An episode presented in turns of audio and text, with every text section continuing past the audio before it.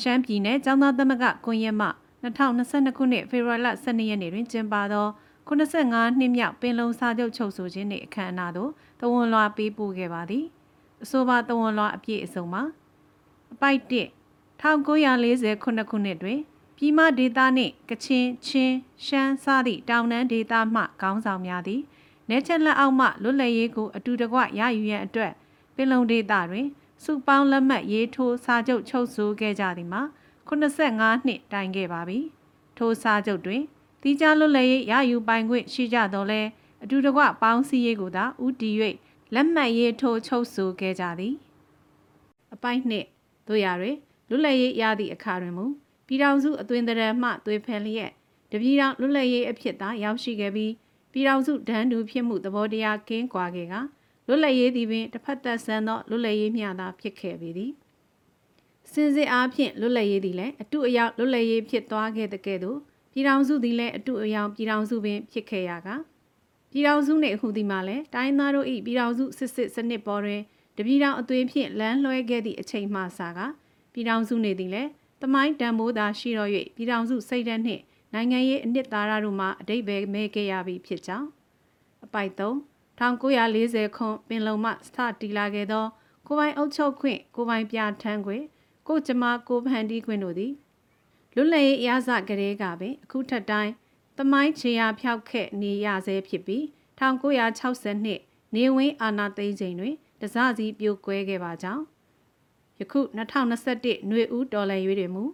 ထိုဤမှန်းချက်ကိုအဆုံးသက်ပန်းနိုင်အဖြစ်ဘုံသဘောတူညီကြပြီးဖြစ်ရာဖက်ဒရယ်ဒီမိုကရေစီပြည်ထောင်စုသစ်တည်ဆောက်ရေးတွင် တိုင်းသားလူမျိုးစုအသီးသီး၏အတန်သည်အထူးပင်အရေးကြီးပါကြောင်းလူနည်းစုလူများစုခွဲခြားမှုမရှိစေရေးမှာလည်းဒန်းလူကြီးများရဲ့ဤအခြေခံသဘောတရားပင်ဖြစ်သည်ဟုမိမိတို့အနေဖြင့်ယုံကြည်မျှော်လင့်မိပါသည်အပိုက်လေးသို့သောတိုင်းသားတို့၏ဖက်ဒရယ်ပြည်ထောင်စုဖော်ဆောင်ရေးတိုက်ပွဲသည်ယနေ့ထက်တိုင်းတက်တန်းကာလအားဖြင့်အနှစ်85နှစ်တိုင်တိုင်ရှည်လျားလာခဲ့ပြီးယနေ့ထက်တိုင်းတိုင်းသားလူမျိုးစုအသီးသီး၏အနိမအီမန်ချက်မှာလည်းပင်လုံဂရိကဝတ်အပေါ်အခြေခံက ပင်လုံစိတ်ဓာတ်ဖြင့်တည်ဆောက်ရမည်ဖက်ဒရယ်ဒီမိုကရေစီပြည်ထောင်စုသစ်ပေါ်ပေါက်ရေးပင်ဖြစ်ရာ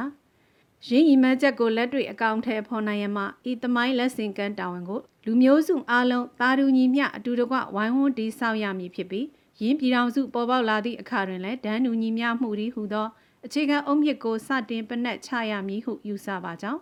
ထို့မှတဆင့်လူမျိုးစုအသီးသီးသည်ကိုပိုင်အုပ်ချုပ်ခွင့်ကိုပိုင်ပြဋ္ဌာန်းခွင့်စသည့်အားဖြင့် မိမိတို့လူမျိုးစုအသီးသီး၏ကိုယ်ကကြမ္မာကိုမိမိတို့လက်ဖြင့်သာကိုယ်တိုင်ထုစစ်တိဆောက်ဖန်တီးရမည်ဖြစ်ပါကြောင်းအပိုင်ငါတိုင်းသားလူမျိုးစုတို့သည်ပင်လုံစာချုပ်ပါအပိုင်ငါကိုပိုင်ပြဋ္ဌာန်းခွင့်နှင့်အပိုက်ခွန်ဒီမိုကရေစီအခြေခံအခွင့်အရေးတို့အပေါ်မြင်းမြန်စွာရပ်တည်လာခဲ့ကြသည်မှာအခုဆိုရင်85နှစ်ပင်ရှိခဲ့ပြီဖြစ်ပါကြောင်းမဟာလူမျိုးကြီးဝါဒပယ်သက်နိုင်မှသာဒန်းတူရေးသည်လည်းပုံမမြန်ဆန်လာမည်ဖြစ်ပါကြောင်းနှင့်ယခုတော်လှန်ရေးကာလတွင်လည်း မြို့သားညီညွတ်ရေးအတိုင်းအမြံကောင်စီ NUCC နှင့်မြို့သားညီညွတ်ရေးအစိုးရ NUG တို့၏ပြည်ထောင်စုညီညွတ်ရေးတည်ဆောက်မှုအခြေလှမ်းများကိုမိမိတို့အနေဖြင့်အစင်မပြတ်စောင့်ကြည့်လျက်ရှိပြီးထို့သောလူမျိုးစုများနှင့်အတူတကွပေါင်းစည်း၍ပြည်ထောင်စုညီညွတ်ရေးတည်ဆောက်သည့်လုပ်ငန်းစဉ်များအပေါ်ထောက်ခံကြိုးဆိုပါကြောင်းတို့ရတွင်အဆိုပါလုပ်ငန်းစဉ်များသည်ပင်လုံကတိကဝတ်နှင့်တိုင်းသားဒန်းတူရေးသည်ဟုသောအခြေခံအုံမြင့်များမှ